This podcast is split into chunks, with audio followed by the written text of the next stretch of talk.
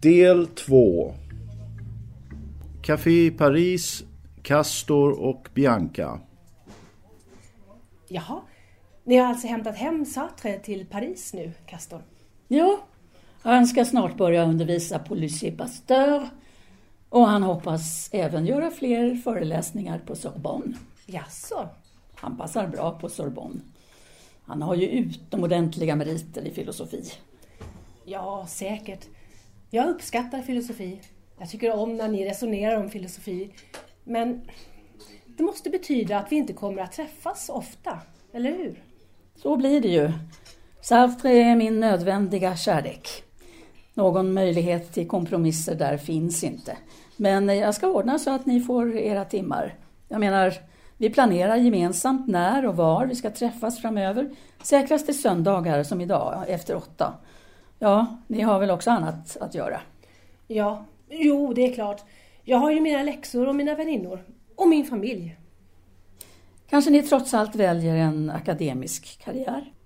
Ni har väl i alla fall slagit de där tankarna ur hågen nu? Tankarna om att ni ska gifta er och bilda familj, eller hur Louise? Louise? Ja, ursäkta. När jag talar med Sartre kallar jag er alltid för Louise Vedrin. Varför det? Kanske för att um, skydda er. Mot vad ska jag skyddas? Ja, men ni måste förstå att jag bryr mig om er. Ja, det känner jag, men jag förstår ändå inte vad det är jag ska skyddas mot. Bianca, ni är ännu ung. Jag är 13 år äldre än ni. Ja, men det är ju det som gör att jag känner mig så trygg med er. Det gläder mig. Hur, hur är han egentligen, Sartre? Jag har hört så mycket om honom nu. Och inte bara från er. Jag är mycket nyfiken på honom. Som eh, man? Hur menar ni? Är ni intresserade av honom som man eller som personlighet? Jag vill gärna bilda mig en egen uppfattning om hans personlighet. Är det märkligt? Nej, självklart inte. Jag föreslår att ni besöker honom imorgon efter skoldagen. Han arbetar på Café Tre Musketörerna på Avenue du Maine under eftermiddagen. Det är alldeles i närheten av skolan. Ska inte ni följa med själv? Min bedömning är att det är bättre om det första mötet sker mellan er två. Nå, eh, ska jag meddela Sartre så att han vet att ni kommer imorgon? Tack, Castor. Kan ni då också komma hit nästa söndag klockan åtta? Då är jag färdig med dagens skrivarbete. Det tror jag. Ja, jag skriver ju alltid i likhet med Sartre på kaféer. Jag har vant mig vid sorlet, vid människor i rörelse. Nå, min tid är tyvärr slut nu eftersom jag väntar på en annan vän så jag får be gå. Jag ska säkert kunna ordna så att jag kan komma. Jag säger att ni i egenskap av min lärare vill diskutera min framtid. Och det är ju också sant. Tack än en gång, Castor. Adjö. Scen 9 Café Tre Musketörer Måndag den 7 november 1938 Eftermiddag Ja, men ser man... Oh, detta är alltså den av Castors omtalade Bianca. Ja, men slå er ner. Välkommen. Ja, ursäkta pappren. Det är, det är som det är. Jag behöver alltid breda ut mig när jag skriver. När jag, när jag tänker och... Tack, herr Sartre. Ja, jag röker ju också. Mm. Vad vill ni ha? Um, bara ett glas vin, tack. Mm. Två glas av husets röda. Och eh, är ni så vänlig och byter ut askkoppen också. Tack. Så, Bianca. Ni är alltså Castors nya vän? Jo, så kan man nog formulera det.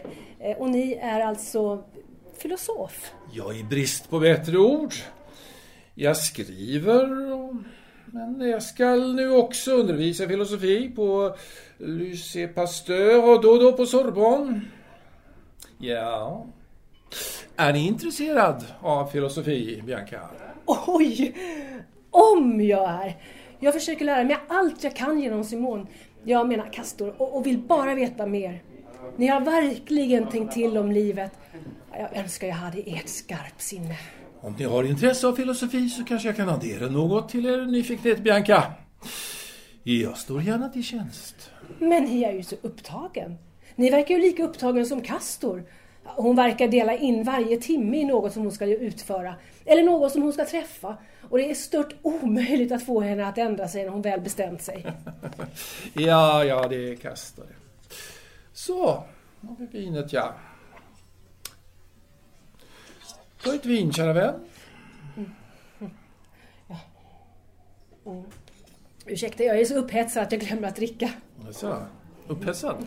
Ja, det är så spännande att träffa er och, och ni ska snart ge ut en bok har jag hört av Castor. Ja, det är riktigt. Äckligt heter den. Jag började skriva på den när jag satt i min ensamhet i uh, Le Havre som en filosofisk avhandling. Jag är inspirerad av uh, Leibniz, men det blev istället en roman. Ja, den kommer ut i april. Ja, vad handlar den om? Ja, om en man som inser att han är onödig. Han behövs inte eftersom livet saknar mening. Det låter hemskt deprimerande. Är det ni som är den där mannen? Kanske, kanske inte. Fiktionen är ett slags smörjmedel mellan författaren och livet, ser ni. Berättelsen skapar en slags nödvändighet utifrån intigheten, ifrån tomheten, från eh, icke-nödvändigheten. Ja. Därför skapades också förmodligen den här känslan, eh, äcklet. Ångesten över att vi är ensamma universum, både som mänsklighet och som individer, är något som påverkar oss oerhört starkt. Ingenting övervärldsligt styr över oss. Moralen är bara en tillfällig, eh, skröplig konstruktion. Ja, den är gjord av oss själva. Den kan förändras när som helst. Och eh, den kan när som helst raseras. Eftersom det inte existerar någon likare. Alltså, det finns ingen objektiv moral. Tingen har ju bara den betydelse som subjektet ger till tingen. Det som vi namnger får liv. Och det är ju därför som orden är så viktiga. Castor har talat i liknande banor. Är det, är det ni som skapat den här filosofin, Sartre? Ja, min och min filosofi. Eh, filosofi är historien i rörelse. Inget står stilla. Kanske är det min filosofi, kanske är mitt tänkande egentligen den del av Leibniz filosofi som han inte hann upptäcka. Ja. Så kan det vara. Men eh, jag kanske tråkar ut er. Nej, inte alls. Det, det snurrar bara i mitt huvud. Ja, ni har ett vackert huvud. Jag vill säga att ni har ett mycket vackert skulpterat ansikte. Harmoniska proportioner, ja. Det är som grekerna poängterade och också idealiserade. Ja, tack. Det, det tyckte Castor också. Ja, det förvånar mig inte alls. Eh, Vi har ofta samma smak. Jag menar samma konstnärliga, estetiska ideal. Ja, ni har också underbara, klara, bruna ögon och ett leende som säkert gör många män attraherade av er. Antar jag. Ja. Förlåt att jag frågar, men varför vill inte ni gifta er med Castor? Som jag förstod det har ni varit tillsammans i nio år. ja, men ni behöver aldrig be om förlåtelse för att ni frågar mig om något som helst. Ni behöver aldrig skämmas eftersom jag aldrig skäms för någonting. Jag kan känna olust, motvilja, kalla det äckel om ni vill. Jag känner dagligen ångest och har då och då en släng av depressivitet i mig. Eh, men skam, ser ni, det har jag aldrig känt för något som jag gjort eller något som jag skrivit. Fråga mig alltså och jag kommer att svara er. Nå, nu till er fråga. Saken är den att Castor och jag, vi är mycket nöjda med vårt arrangemang. Vi har skapat ett liv som passar oss båda. Vi lever helt enkelt för att skriva, för att uttrycka oss, för att utbilda oss och för att utbilda andra. Ja, Castor, hon är ju lärare liksom jag.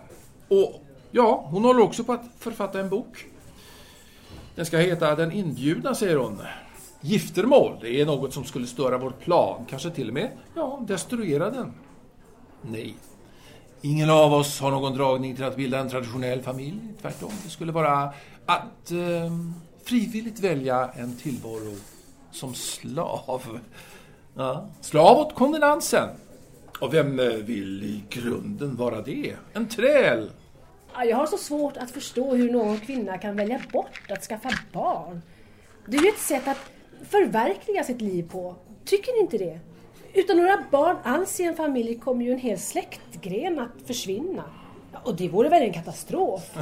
Ja, Bianca, min vän, om jag får benämna dig så.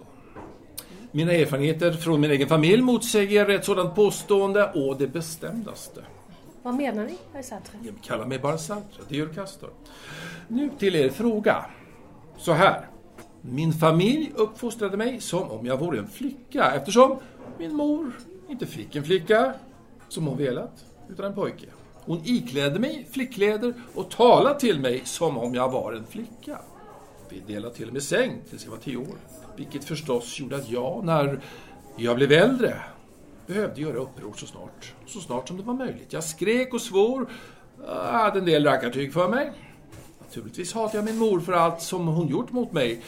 Mot det som jag inte hade kunnat värja mig emot när jag var barn. Hon tvingade in mig till en viss form, skapade en viss uppsättning normer för mig. En slags normalitet. Regler som jag idag naturligtvis skyr som pesten. Förverkligade hon sig? Nej, det enda hon gjorde var att förnedra mig. Men varför uppfostrade hon er på så vis? Ja, men den frågan kan jag inte med bestämdhet besvara. Jag får utgå från att hon hade någon form av mental eh, inskränkning. Eh, Hon var, hon är. Hon är inte mentalsjuk, inte alls, men eh, fixerad vid vissa idéer. Min far dog när jag var två. Förmodligen av någon tropisk sjukdom han fått medan han tjänstgjorde i Indokina. Ja, han var marinofficer. Mitt enda minne utav honom är hans, hans röst. Inga specifika ord, däremot hans, hans tonfall, hans eh, timbre. Nej, eh, när jag skulle haft en far fick jag istället ett tydligt och märkbart tomrum. Och det var en frånvaro som definierade mig. Jag fick då och då omvandla mig själv till att bli eh, far över mig själv. Jag splittrades, förstår ni, i en barndel och en farsdel. Farsdelen har numera övertaget, men eh, kanske mitt ekonomiska så att säga lättsinne har med den här barnsliga delen av med att göra. Ni förstår, jag äger så gott som ingenting. Jag, inte ens böcker. De böcker jag köper, de ger jag bort när jag läst dem. Varför?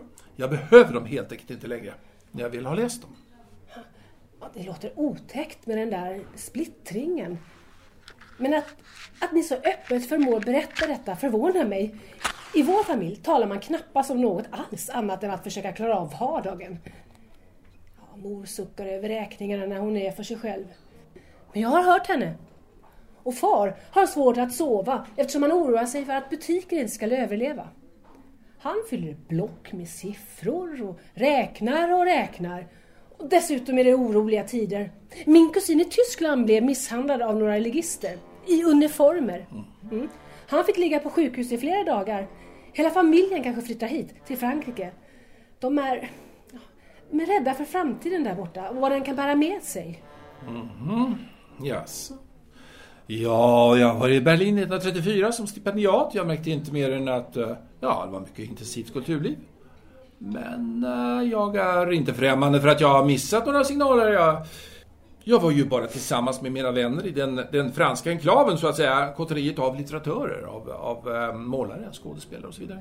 Ja, ni kan naturligtvis inte sätta er in i vår situation. Jag klandrar er inte. Men fortsätt gärna att tala om er familj. Ja, min mor gifte om sig när jag var 12 år och snart hade jag en eh, styvfar som fått för sig att han var min far. Ja, det skar sig förstås. Han förblev och förblir en främling. Senare, när jag blev myndig, fick jag ut mitt arv från min biologiske far så Castro och jag levde under en tid ett någorlunda bekvämt liv. Men eh, vi har ändå båda måste upprätthålla någon slags tjänst eftersom eh, arvspengarna tunnas ut hur länge tid som går och så länge som vi inte kan leva på vårt skrivande. Men eh, ja, pengar kommer och går. Ja, så är det ju. Jag klarar mig utmärkt. Jag är häpen över att ni berättar så öppenhjärtigt om era, er svåra uppväxt. Känner ni inte besvärade av att berätta så intima saker för en främling? Nej, först. Jag betraktar er inte alls som en främling. Snarare som en del av min nya familj, en som jag själv skapat. Sedan, så här är det. Mitt liv är, som jag ser det, egentligen inte mitt. Det tillhör inte subjektet Sartre, utan allmänheten. Och med det menar jag alltså inte att allmänheten äger mig. Nej då, utan att jag fullt frivilligt väljer att se det subjektiva som något objektivt. Ett slags ting. Jag transformerar mig själv, subjektet, genom texten. Genom texten till ett objekt, ett ting. Och tinget kan i sin tur bli föremål för utredningar, för analyser. Möjligtvis, och förhoppningsvis, för eh, insikter. Jag vet naturligtvis inte hur andra tänker använda det material som jag presenterar i egenskap av ett, eh, låt mig kalla det, ett subjekt som blir ett ting. Men valet är redan gjort. Och jag ångrar mig inte. Nej, inte alls. Kommer aldrig att göra det heller. Det låter som ni verkligen vet vad ni vill. Ja, det stämmer. I den mån som är klar i huvudet vill jag fullt medvetet gå in i de situationer jag väljer. Men det ger er också ångest, eller hur? För det talar ni om också, att ni har en stark ångest. Det stämmer det också. Varje valsituation ackumulerar en ångest eftersom vi skapar oss själva genom våra val. Vi skapar oss själva genom våra val. Vi blir till genom våra val. Och frågan är då, vem blir jag genom mitt val? Hur blir jag till? Och vad har jag då valt genom att komma hit och besöka er? jo, ni har kommit hit därför att eh, ni är nyfiken och det är utmärkt eftersom varje forskare behöver vara nyfiken för att förstå sitt studieobjekt. Och studieobjektet, det är alltså ni, herr Sartre? Säg bara Sartre. Jag insisterar. Mina vänner säger Sartre. Och jag betraktar ju er som min vän. Jag, jag är nästan som en familjemedlem, Bianca. Nå, Sartre. Vill ni svara? Ni har själv besvarat frågan. Ni är här för att studera mig. Och jag har accepterat det eftersom, eh, ja, jag också vill studera er. Jaså? Nå, Sartre. Vilken bild har ni fått av mig? Ja, men jag uppskattar er närvaro. Jag tycker om er livlighet, er, er, er villighet att lära er. Och jag för min del vill gärna lära känna er bättre. Ni vill lära känna mig? Men jag är ju bara en student. Ja, men ni intresserar mig. Mycket. Ja, det är ju snart julferie. Kanske vi alla tre, ni, Castor och jag, skulle kunna ha ett gemensamt utflyktsmål. Mm, kanske till bergen? Mergev? Vi har bokat ett hotell där nämligen. Ja. Skulle ni vilja det, Bianca? Oh, det, vore, det vore ett äventyr, men jag måste förstås fråga mina föräldrar först. Ja, ja. Jo, jo, det måste ni naturligtvis göra. Vid närmare eftertanke, ja, de skulle ju säga nej. Jag är trots allt bara 18 år. Jag är inte ens myndig. Kanske ni, eh, trots detta faktum, kan skapa er ett utökat handlingsutrymme? Jag vet inte. Merchev. Vänta! Det finns ett ungdomshärberge i närheten, på väg mot Mont d'Arbois. Jag har varit där tidigare med några vänner. Om jag kan få dem att följa med dit så kan jag skida över till ert hotell. Det lovar jag. Ja. Nå, mm, får väl se då. Hör av er genom Castor får vi se. Ja, tack, tack det. Tack. Ja, varsågod. Scen 10. Hotellrum. Måndag den 7 november 1938. Kväll. Nå, vad säger ni Sartre? Jag kan bara gratulera er, Castor, för ytterligare en erövring. Är det allt ni har att säga? Ja, för tillfället är det så, ja. ja. Jag framför alltså mina gratulationer. I övrigt är jag... Ja, det är så att jag är fokuserad på premiärföreläsningen imorgon. Sorbonne, ja. Vilket är ert eh, valda ämne? Intet och varat. Och jag utgår då från eh, Husserl och i viss mån från Nietzsche, men har naturligtvis, jag har naturligtvis ambitioner att bygga upp något eget ur det materialet. Jag förstår inte hur Nietzsche kommer in i sammanhanget. Ja, det är enkelt. Jag har tagit fasta på hans utgångspunkt att vi avsaknad för Gud är utelämnade helt och hållet åt oss själva och eh, vår därmed egenkonstruerade moral. Det är Då- själva grunden. Ja, men då förstår jag. Mm. Då förstår jag. Fortsätter ni att träffa Olga Sartre? Nej, nej. Hon har för övrigt gjort sig i det närmaste onormal så det vore, ja, hur som helst en omöjlighet. Ja, jag vet att ni talar sant eftersom vi inte döljer något för varandra. Men det är något annat, eller hur? Ja, jag träffade däremot Vanda i förrgår, har jag inte berättat det? Nej. Ja. Eh, Det är ju så här att som ni vet är det viktigt för mig att vidmakthålla en kontinuerlig förhållandevis hög sexuell eller åtminstone erotisk aktivitet. Jag behöver det för min mentala och fysiska hälsa och ja, ni och jag ligger ju för närvarande inte med varandra och ni har ju alltid er frihet att välja sen kamrat, eller hur? Vill ni ligga med mig? Eh, inte nu, inte nu. Förmodligen senare. Nu koncentrerar jag mig på föreläsningen imorgon bitti. Naturligtvis. Ja, och eh, för tydlighets skull. Det här betyder inte att jag inte älskar det. Tvärtom betyder det bara att vår nödvändiga kärlek gör det till en självklarhet. Att vi under en period kan undvara traditionella sexuella aktiviteter. Därmed finns det ju ingen tvekan i vår kärlek. Det finns ingen tvekan. Den är eh, allestädes närvarande mellan oss. Eller hur? Ja, Sartre. Har ni tagit er sömntablett? Ehm, nej, Tack för att ni påminner mig. Ibland är jag en smula disträ. Jag ska hämta ett glas vatten.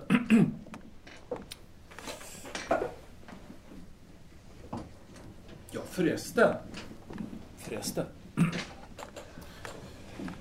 Förresten, jag föreslog att Bianca skulle kunna följa med oss upp i bergen i samband med uh, julferien.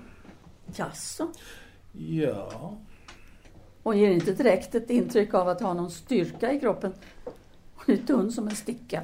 ja, vi kan välja ett lättare dagsmål för hennes skull. Naturligtvis, vi kan göra det.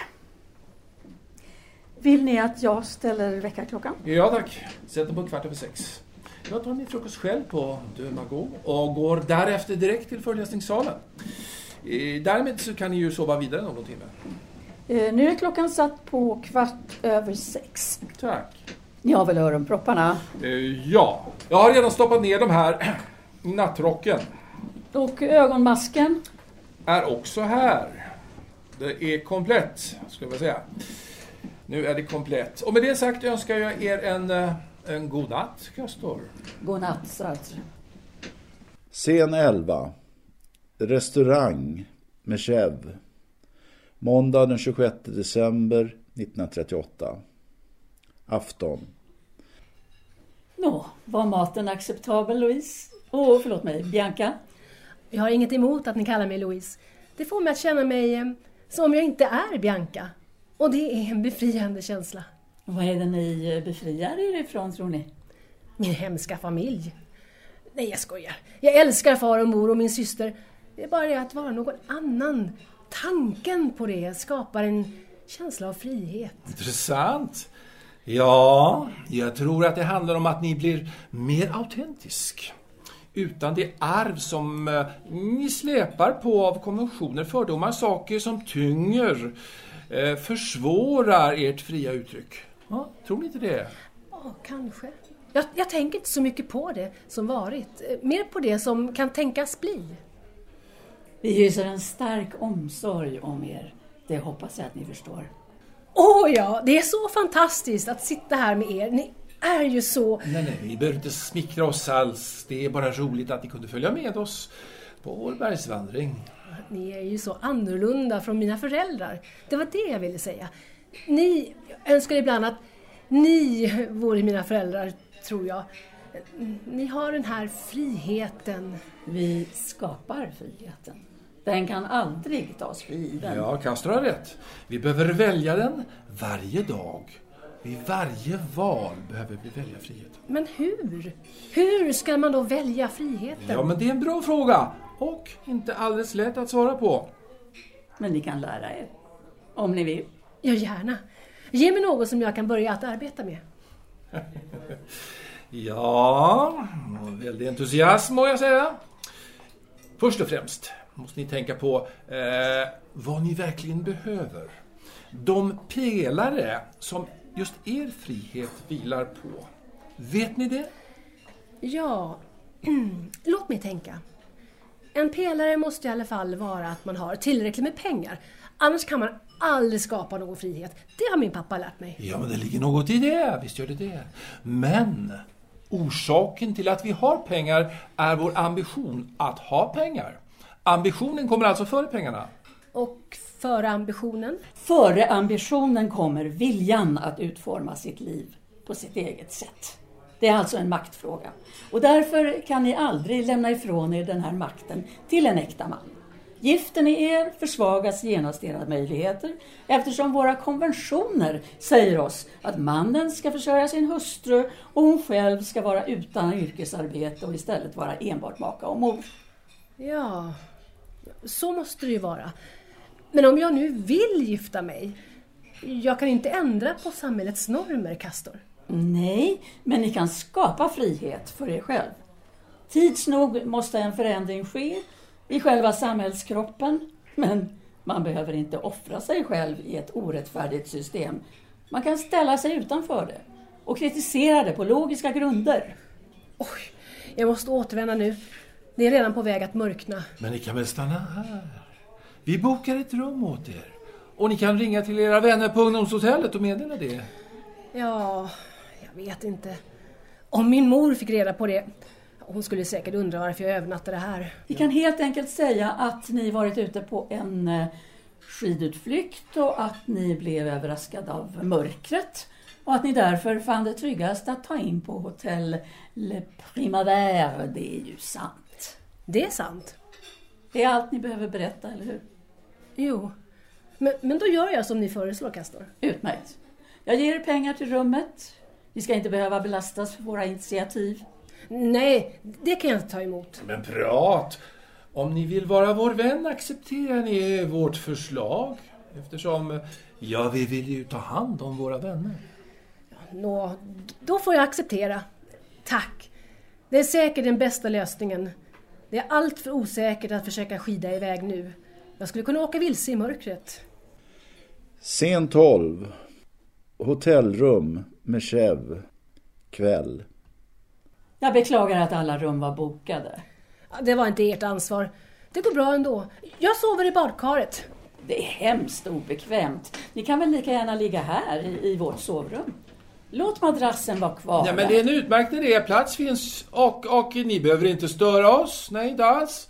Jag tar alltid en sömntablett och Castor kan sova under, ja, under nästan vilka omständigheter som helst. Har jag inte rätt? Det stämmer. Vet du vad, ni kan ligga i hörnet här intill fönstret.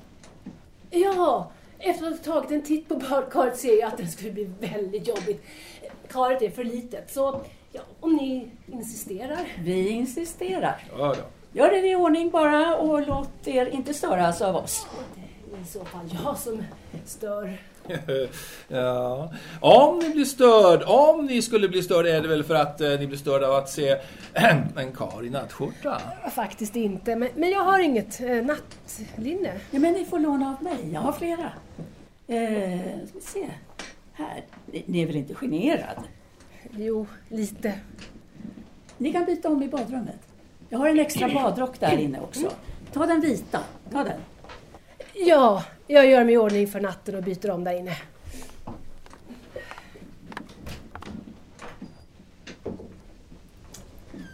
Ja, hon är inte som Olga. Nej, det är hon inte. Är ni eh, väldigt fästad vid henne? Det vet ni att jag är, fastän hon ibland driver mig till vansinne med sin klängighet. Hon begär för mycket av mig. Hon begär min närvaro och min uppmärksamhet. Ja, ja. Har ni mina sömntabletter? Jag har dem i min väska. Ni får hämta dem själv. Ja, ja. Så där ja. Nå, är ni nöjd med dagens vandring? Jag trivs med strapatser, det vet ni. Jag tycker om motstånd, att få kämpa. Men jag har svårt för eftersläntrare, de drar ner tempot. Ja, ni menar alltså Bianca? Ja, ni håller ju mitt tempo utan vidare, men så tar ni ju också tabletter för det. Ja, ja. Som ni vet har jag inget till övers för naturen som sådan. Alltså, jag krymper ihop. Det tycker jag. Jag krymper ihop när jag rör mig bland bergsmassiven men växer när jag är tillbaka i staden. Naturen. Naturen är för mig klibbig, den är för uh, påträngande, för överväldigande. Ja, jag känner mig helt enkelt betydelselös. Som en fluga är betydelselös för mig. Jag skulle kunna eh, snubbla och falla ner för berget och slå ihjäl mig och... Vad skulle naturen göra? Naturen skulle inte bry sig om det det minsta. Skulle bara låta mig uh, långsamt ruttna bort i någon klippskreva. Nåja, men eftersom ni, Kastor, min kärlek, så gärna vill vandra i bergen, så vill jag också vandra i bergen tillsammans med er. Det paradoxala sker alltid att så snart jag varit ute på vandring ett slag så avskyr jag att vandra. I synnerhet om jag inte har något definitivt mål. Och så börjar jag längta tillbaka till stan, till Paris. Det kommer över mig som ett blixtnedslag tanken på att, att jag är på väg att missa något väsentligt. Jag, jag är aldrig riktigt nöjd. Mm. Nåja, imorgon tar vi två tåget tillbaka till Paris. Och innan dess, efter utcheckningen, tar vi, ja, vi tar farväl utav Bianca. Hon åker väl skidor tillbaka till sitt ungdomshotell, förmodar jag? Vedrin menar ni? Eh, ja, Vedrin. Jag hörde vad ni sa. Jag hörde allt vad ni sa. Dörrarna har sådana glipor här. Jag kunde inte undvika att höra. Det är bra. Vi har inga hemligheter. Jag sa att jag har svårt för långsamma vandrare, men ni är ju en ovan vandrare så det faller sig naturligt att vi fick vänta in er då och då. Alltså, ja, ja, det stämmer. Jag är inte så van att vandra i bergen. Jag, jag trodde vi skulle åka skidor. Jag är ganska bra på att åka skidor. Men kom och sätt er här ett tag vid bordet med oss. Ah, ni ska inte vara sårad för min kommentar. Får jag se på er? Oh, se Sartre, så vacker hon är. Ja. Och, och min morgonrock passar er utmärkt. Ni liknar faktiskt mig när jag var i er ålder. Kom, sätt er. Mm. Sartre vill alltid röka en stund innan han drar sig tillbaka till natten. Ja, det är ju så att jag tänker alltid bättre när jag röker, Bianca. I synnerhet pipa.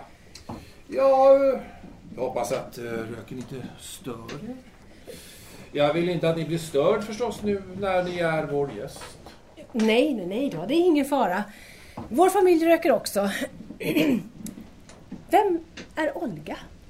Olga? Eh, Olga tillhör vår lilla familj.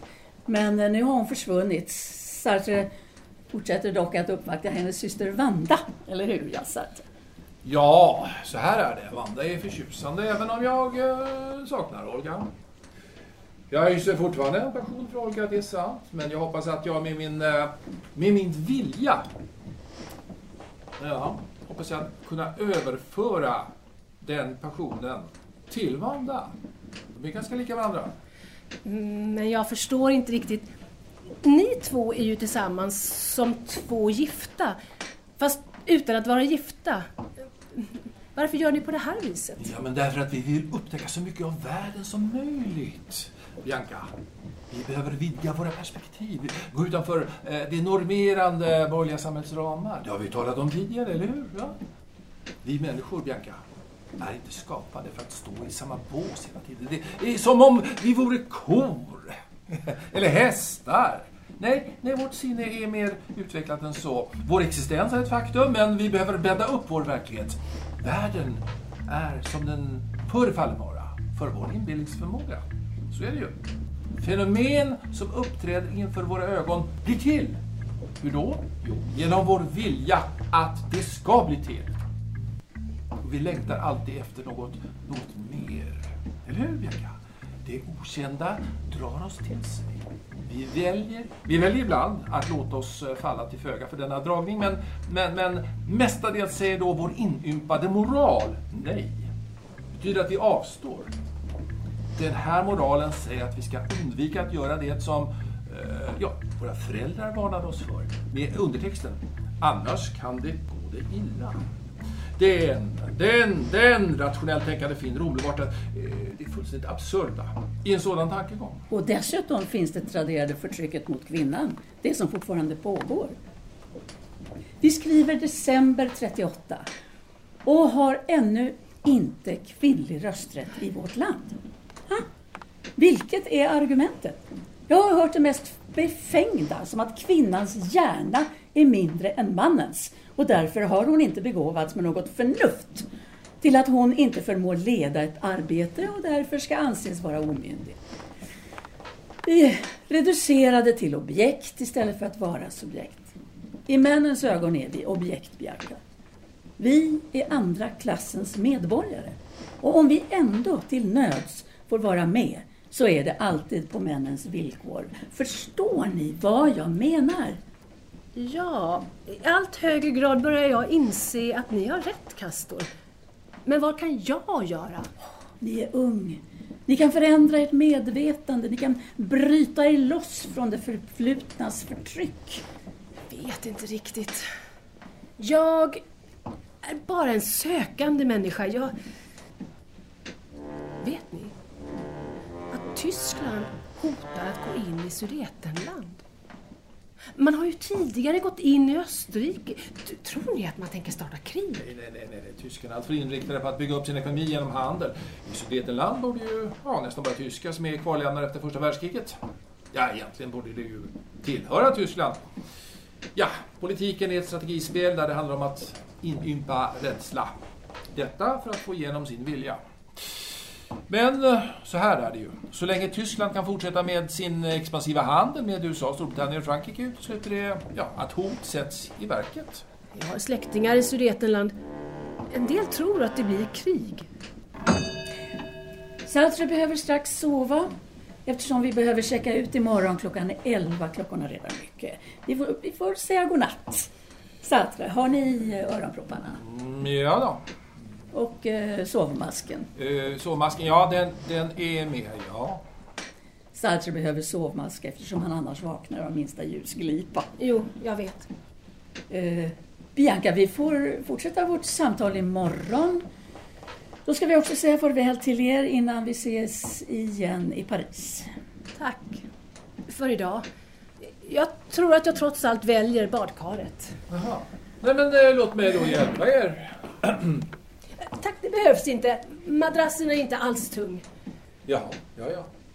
Om ni insisterar. Om ni insisterar då. Ja, ja godnatt då. Godnatt. Scen 13. Café Paris. Måndag den 2 januari 1939. Eftermiddag. Nej men.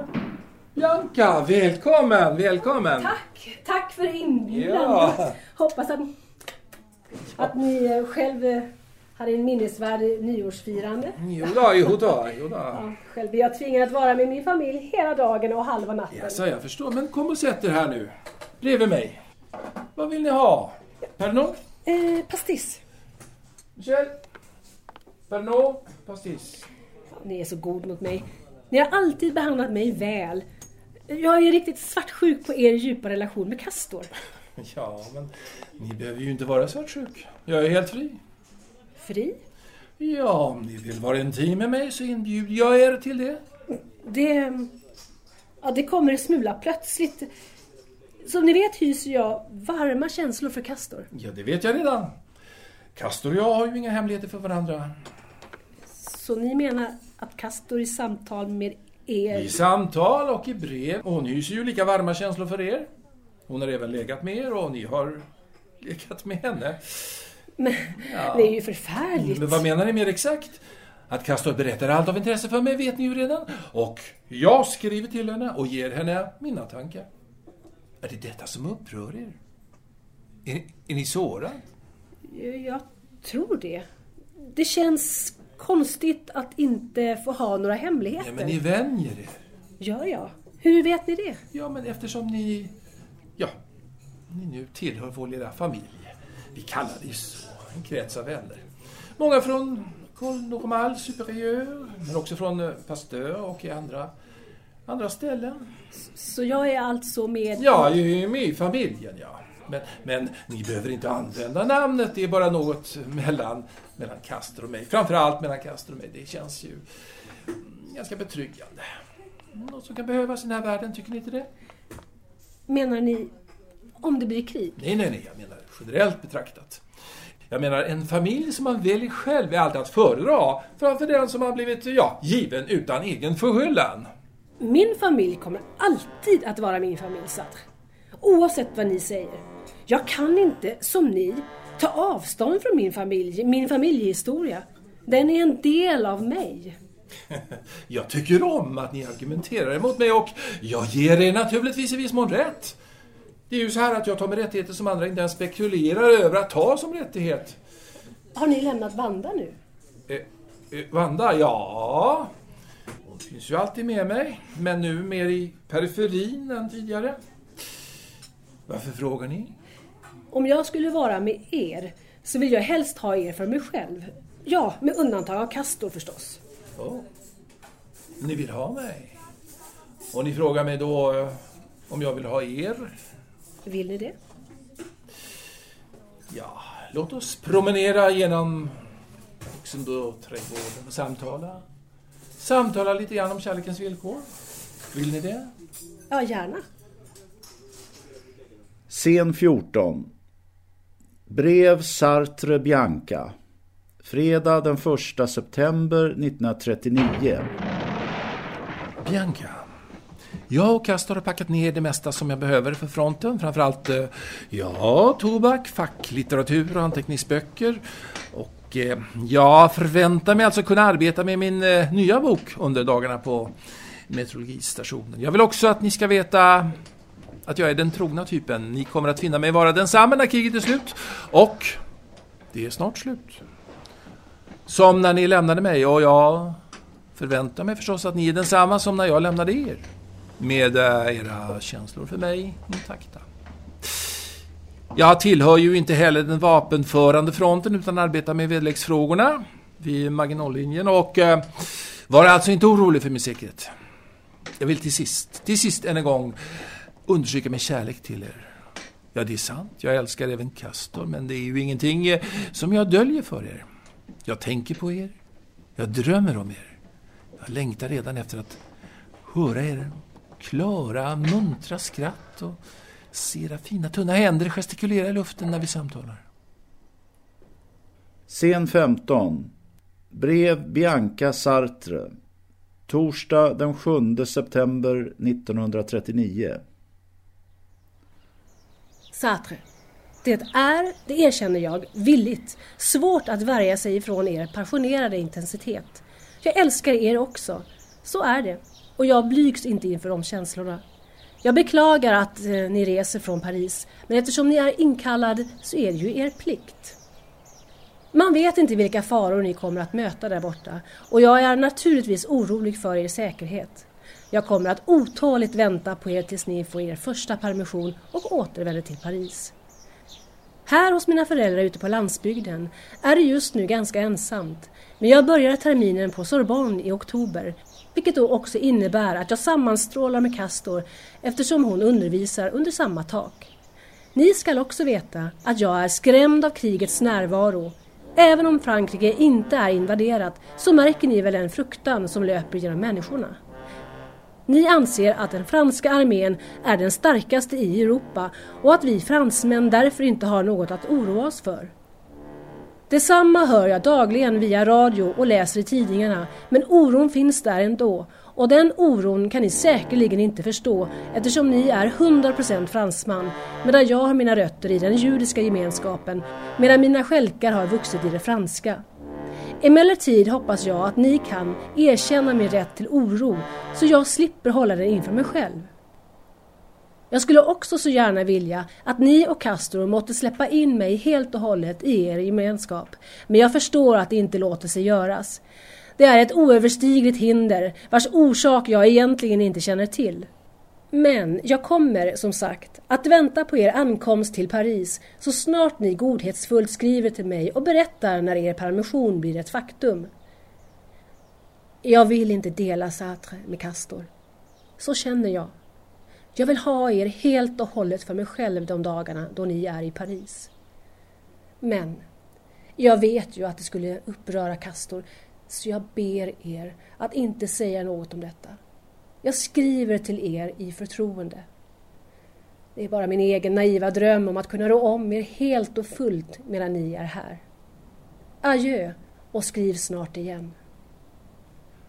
Scen 16 Brev Sartre Castor Fredag den 15 september 1939 Castor, här på väderleksavdelningen är det rena semestern. Jo, vi anses nämligen ha samma status som officerarna och får därmed uniformer, samma utstyrsel och ja, vi får bättre mat på mässan. Jag ska inte sticka under stolen med att det passar mig utmärkt. I synnerhet som jag i den här långtråkiga tjänsten har kunnat hitta ett eget rum. Få timmar för mig själv. Jag kan sitta och arbeta med min eh, kommande bok. Nu eh, till något ja, delikat, delikat ärende. Så här. Vedrin skriver till mig att hon eh, hon vill inte dela Sartre med Castor, som hon uttrycker det. När jag kommer till Paris på permission. Ja, hon vill ha mig helt för sig själv, skriver hon. Vilket naturligtvis är smickrande, men eh, jag vill naturligtvis främst vara i ert sällskap medan jag är hemma. Jag befarar att eh, hennes inställning kan leda till eh, mm, ja, konflikt. Ännu vet jag inte när första permissionen blir ett faktum, men jag meddelar förstås när det är dags. Scen 17 Brev Castor Sartre Tisdag den 19 september 1939 Sartre. Jag måste be er avsluta förhållandet med Vedrin. Hennes krav på er är helt ur proportion och kan inte accepteras. Ni kan inte bara låta detta fortsätta. Då kan vår pakt rubbas. Jag gav henne till er, om jag så får säga, när hon drivit mig till vansinnets gräns, klängig, behövande, patetisk. Och nu vänder hon sig emot mig och vill slå in en kil mellan oss, Sartre. Det får inte hända. Jag ber er alltså att skriva ett brev till henne och sätta punkt. Annars blir vi aldrig av med hennes klibbiga girighet. I det liknar hon Olga och Olga måste lämna familjen. Jag ber er minnas att er relation med Vedrin endast är ett temporärt begärsförhållande. Det är inte frågan om en för er nödvändig kärlek. Var tydlig i ett brev, men såra henne inte mer än nödvändigt. I övrigt väntar jag tålmodigt på att ni ska få er permission beviljad. Men helst så snart som möjligt eftersom det är outhärdligt tråkigt utan er närvaro. Bost har dessutom lämnat mig. Så nu har jag ingen älskare. Scen 18 Brev Sartre Bianca Måndag den 16 oktober 1939 Kära Bianca. Jag förstår om det kan smärta er, men eh, Eh, vi behöver, som jag förstått situationen, eh, avsluta vår relation eh, så som den förelegat. Och jag hoppas att vi kan göra det med vederbörlig respekt och ömhet för varandra. Jag hyser ingen som helst illvilja mot er och jag önskar er allt gott. Något avbrott i min kärlek är det inte frågan om. Var tvärtom förvissad om att jag älskar er även i framtiden. Ja, jag förstår att ni önskar en detaljförklaring av mig, men, men eh, jag ser mig nödsakad att förvägra er en sådan förklaring och jag hoppas att ni inte ber mig mer presentera en sådan. Vi avslutar alltså härmed vår relation. Jag ber er därmed också att inte söka upp mig i Paris i samband med eh, den planerade permissionen. Med det sagt tillönskar jag er trots allt en god framtid. Jag hoppas att ni snart finner en partner som eh, passar er. Scen 19 Brev Bianca Sartre Måndag den 23 oktober 1939 Sartre. Ert brev har sårat mig djupt. Mer djupt än ni anar. Skickar er nu mitt svar under det att jag har gråtattacker och känner det som att jag tappat fotfästet. Jag är förvirrad. Vet inte vad jag ska ta mig till. Det är som tomt utan anknytningen till er. Så lättsamt. Så smärtsamt. Ursäkta mig, men ni låter så hård, Sartre. Era brev till mig har alltid varit mjuka, varma, vänliga ända fram till senaste brevet då ni sa att vårt förhållande måste upphöra. På oklara grunder sa ni att det var slut mellan oss. Jag vill emellertid absolut veta vad det varit som skapat denna mur mellan oss. Jag har frågat mig själv flera dagar nu och jag finner inte en enda orsak till ert avståndstagande. Har jag gjort er orätt? Jag tror inte det. Dessutom skriver ni att ni fortfarande älskar mig. Om vi aldrig mer ses på grund av kriget vill jag åtminstone träffa er en sista gång och ber er därför skriva till mig och berätta vilken dag och med vilket Pariståg ni kommer när ni har er permission. Det är en bön, en enda bön, som jag hoppas att ni godhetsfullt kan besvara. Sedan ska jag inte längre störa er om ni verkligen är säker på att det ni önskar är en separation mellan oss. Scen 20 Café Fredag den 17 november 1939 Förmiddag Sartre, där är ni äntligen! Ja. Jag har väntat på er vid Garden Nord i två timmar. Ah. Har inte fått någon information vart ert tåg fanns. Ja, ja, Castor, så underbart att se. Slå er ner, slå er ner. Men vad var det som hände ert tåg? Ja, ni vet. Order och kontraorder i det militära. Plötsligt skulle vi inte åka klockan 23.00 utan klockan 20.00. Någon hade tolkat tiden helt fel eller något, något liknande. Slutdestinationen var ju inte heller Gare du Nord utan istället Saint-Lazare. Jag visste inte, ja, var ni var när jag kom fram. Men eh, jag förstod ju i alla fall att ni snart ändå skulle leta efter mig här på vårt favoritcafé. Det viktigaste är att ni äntligen är här. Hur många dagars permission har ni? Ja, det är sju dagar, men jag kan bli inkallad när som helst innan dess. Nå, det är som det är. Och vi ska utnyttja varje minut. Michel. Glas hit! Bourgogne! Nytt askfat! Sartre, som jag har längtat efter att höra er välbekanta stämma. Ja, detsamma. Bara är nära, sitta Ja. sida vid sida. Jag kan bara instämma. Möt er blick. Betrakta er rörelse, njut av er, er närvaro och att äntligen också kunna få en intellektuellt jämbördig samtalspartner. Ja, ja, ni skulle bara veta vilka dumskallar som håller till där ute vid eh, Maginotlinjens väderlekstjänst. Jag ska berätta en anekdot som ja, det inträffade bara för några dagar sedan, förstår ni. Bianca! Vem ser jag om inte. Sartre? Ja, kom in. Slå er ner. God dag, Castor. Jag trodde väl att jag skulle hitta er här, Sartre. Ja, Förstår inte riktigt. ja, jo. Jag meddelade Bianca dagen för min ankomst i brev till henne eftersom, ja, hon bad mig om det och... Alltså, Så välgörande att se er igen, Sartre. Som jag har längtat efter att få höra er röst. Ja, er skönhet blir bara allt mer fullödig ju äldre ni blir, eh, Bianca. Ja, men ni är snart en riktig dam. Michel, ett glas till. Hur mår ni? Ja, hur, hur man kan må i samband med att krig pågår bortom horisonten. Ja, men ändå. Att få träffa er igen Sartre kompenserar mycket av den oro jag känt.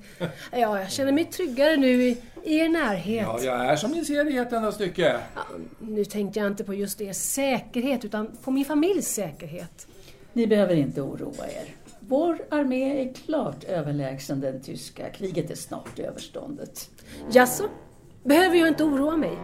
Ni säger det, Castor, men vad vet ni egentligen?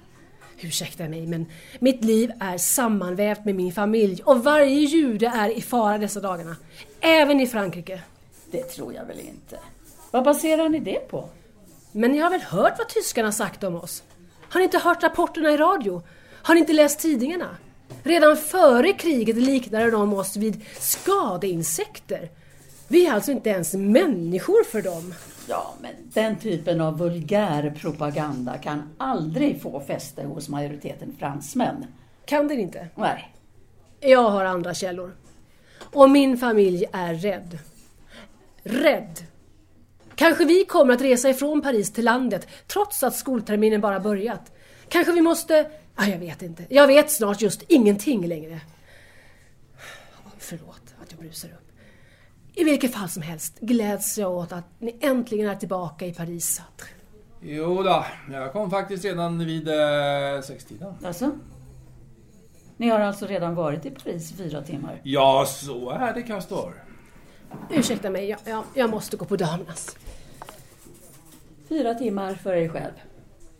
Har ni träffat Vanda innan ni kom hit till kaféet? Ja, så är det ju. Jag är ju förtjust i den flickan och när hon, eh, ja, nu var villig så måste jag ju... Naturligtvis, naturligtvis Ja. har ni hunnit med det. Nåja, det är ju viktigt för er. För er mentala balans. Ja, tack Castor, så är det. Ja, det är viktigt för alla män. Ni skulle bara veta vilken eh, motivationsgrad som eh, finns hos mitt kompani. Alla skulle naturligtvis hem på permissionen för att lägra sin, eh, ja, sin kvinna eller en prostituerad. Eh, Jag ska beställa en, eh, en pastis, tack. Michel, ge mig en eh, aprikoscocktail är ni snäll. Åh, var snäll och töm askkoppen här. Sartre, jag skulle vilja be er om en sak. Ja, men talar ni så lyssnar jag. Ja, Ni får förlåta mig för att jag är så dubbel. Jag är så glad att ni är här samtidigt som jag är så uppriven på grund av ert senaste brev där ni, som jag förstått det, ville avsluta vårt förhållande. Ja, det är rimligt att ni är upprörda och som sagt, eh, jag har ingen avsikt att såra er. Inte alls. Men ert brev? Ni måste väl förstå att det var ett brev som skulle komma att såra mig? Jag tror inte att ni har förmågan att placera er själv i någon annan situation och det är, det är en brist i er karaktär. Ja, det är en allvarlig anklagelse och eh, dessvärre ger jag er delvis rätt. Min eh, upplevelse sträcker sig bara ja, till mitt eget medvetande. Jag kan egentligen aldrig veta något om andras medvetanden. Livet är av allt att döma meningslöst. Men, men formulerat på ett annat sätt är det ju gåtfullt och det är det gåtfulla jag har ju en oerhörd dragningskraft på oss. Vi försöker alla lösa de gåtor som vi möter men finner bara att om vi löst en gåta då öppnar sig tre andra nya gåtor för oss. Det är som att eh, verkligheten jäckar oss ständigt. Men människors känslor då, Sartre? Ni kan väl åtminstone veta något om det? Eller kan ni, kan ni inte det? Är, är, är ni helt hjärtlös? Nu tycker jag Vedrin är alltför provocerande. Naturligtvis är Sartre väl medveten om era känslor. Sina egna och andras. Ja, Castor har rätt. Jag är medveten om andras känslor, men därmed inte sagt att jag kan känna vad andra känner.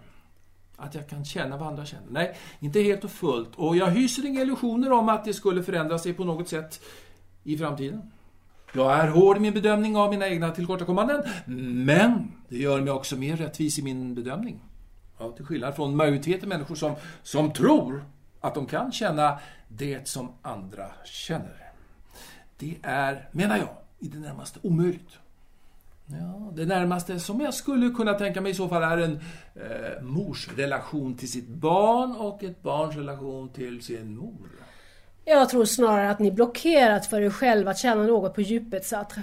Ni vill inte känna det som andra människor känner.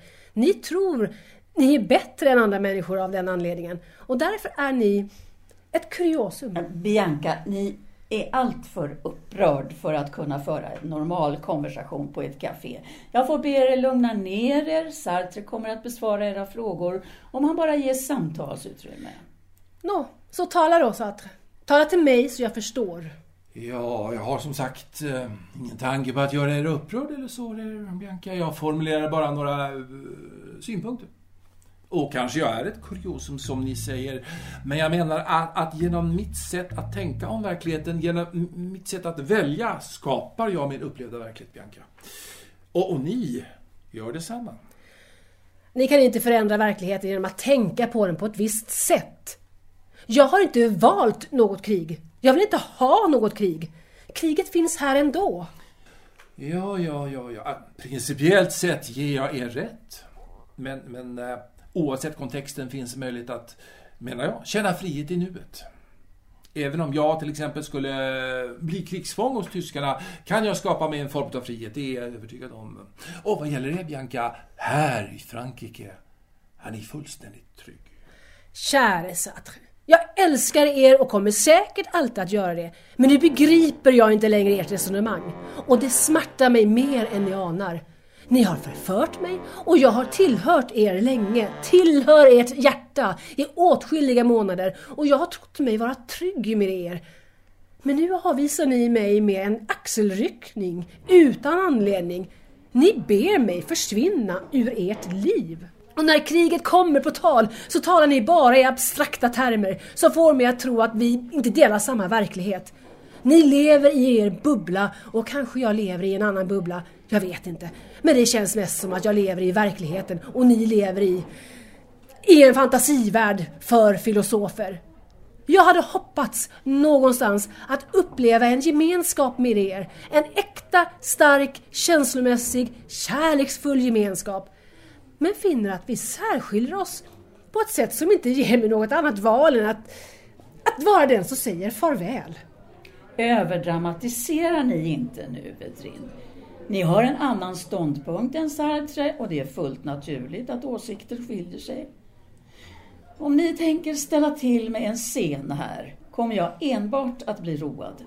Jag föraktar kvinnor som ställer till med scener och spelar offer. Road? Nej, jag tänker inte roa er. Jag kom hit med en förhoppning om att försonas med er, Sartre.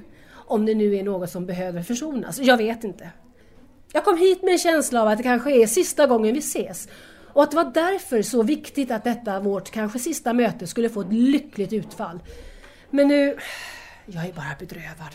Om ni hade saknat förhoppningar om ett visst utfall, ja då hade ni inte blivit besviken. Men nu är jag i alla fall besviken. Bedrövad. Ledsen. Fall inte in i en offerroll nu, Vedrin. Ni är lika ansvariga för det skedda som jag och Sartre, eller hur? Hur kan ni vara så hård, Castor? Livet har lärt mig att all mjukhet kommer att krossas under trycket av skoningslöst patriarkat. Men jag kan försäkra er att jag är lika mjuk som hård, lika rättfram som sårbar. Jag är en överlevare och behöver utrusta mig för det nödvändiga sättet. Kan ni inte acceptera mig för den jag är, är ni välkommen att göra sorti. Vi vet egentligen ingenting bestämt om någonting. Minst av allt om framtiden. Men det är ju krig! Ja, kriget pågår, så är det ju, men, men hur länge, det vet ingen. Och om det kommer närmare oss, det vet ingen heller just nu. Kriget är ännu en produkt av patriarkatet. Otvivelaktigt är vårt samhälle en produkt av patriarkatets historiska maktposition, inkluderande då kapitalismen och militarismen, men vi kan inte göra något åt det. Jo, kanske, kanske genom att öka medvetenheten en smula. Några kan ta insikterna till sig som i sin tur kan influera andra. Det, det kan vara nyckeln. Det kan vara nyckeln. De andra har jag inte tålamod att, att vänta på. Ni har rätt, Sartre. Några förmår lyssna och kan ta till sig insikterna. Vi kan vara nöjda med det resultatet. Jag vet inte längre vad jag ska tycka, vad jag ska tro. Jag famlar efter något som kan stilla min oro. Min familj vaknar varje morgon och vill veta vad som händer vid fronten. Det är det första de frågar efter. Var befinner sig tyskarna? Har de slagits tillbaka? Var någonstans står slagen? Min mor vill att vi lämnar Paris ena dagen och så ändrar hon sig nästa. Och min far vill inte lämna butiken vind för våg. Men för varje dag ökar risken för oss. Förstår ni Sadr? Ja, jag tror som sagt att det knappast finns någon risk för er Bianca och er familj. Tyskarna är ju långt borta. Och de är snart dessutom besegrade. Kriget går sämre och sämre för dem. Ja, varje dag. Nej men, eh, eh, drick er pastis. Slappna av. Jag kan inte slappna av. Jag tror er inte. Jag tror att det blir en katastrof. Om ni inte uppskattar vår närvaro kan ni ju alltid lämna kaféet. Ja, Castor. Jag ska gå. Ni kan vara lugn. Men innan jag går... Bianca, Bianca, ni behöver väl inte ha så bråttom? Jag skulle så gärna vilja känna mig trygg med er. Och jag har längtat så efter er. Ja. Mm, Men nu känner jag mig allt mer utesluten ur er och Castros så kallade familj. Och den känslan kan ni tyvärr inte prata bort med era abstrakta filosofiteorier, Sartre. De kommer och går. Jag är inte speciellt eh, fäst vid någon av dem. Det, det, det är som eh, virvlar i en flod, förstår ni. De, de är märkbara, men övergående. Så bra då. Men bryr ni er egentligen om något alls i världen? Eller någon annan än er själv? Är det överhuvudtaget någon människa som ni är fästad vid? Ja, förutom Castor. Förutom Castor? Ja, ni ställer svåra frågor det är inte tal om annat. Nå, Sartre. Jag vill ha ett svar. Efter att ha funderat noga på er fråga får jag nog konstatera att jag ger er fullständigt rätt. Det finns, det finns ingen annan. Det finns ingen alls jag är fäst vid i den här tillvaron. Förutom Castor. Tack för beskedet. Då vet jag. Jag tror er. Och därmed säger vi farväl. Farväl Sartre. Farväl Castor. Ni båda lärde mig mycket och jag säger tack för det. Men ni lärde mig aldrig det som jag behövde mest. Att stå upp för mig själv, den som jag är. Ni ville forma mig till att bli ett instrument för er att använda. Ett ting. Men jag är inget ting. Jag är jag. Och jag är inte en Vedrin, utan Bianca. Ja, ja, Bianca. Bianca, jag höjer mitt glas för er. Farväl.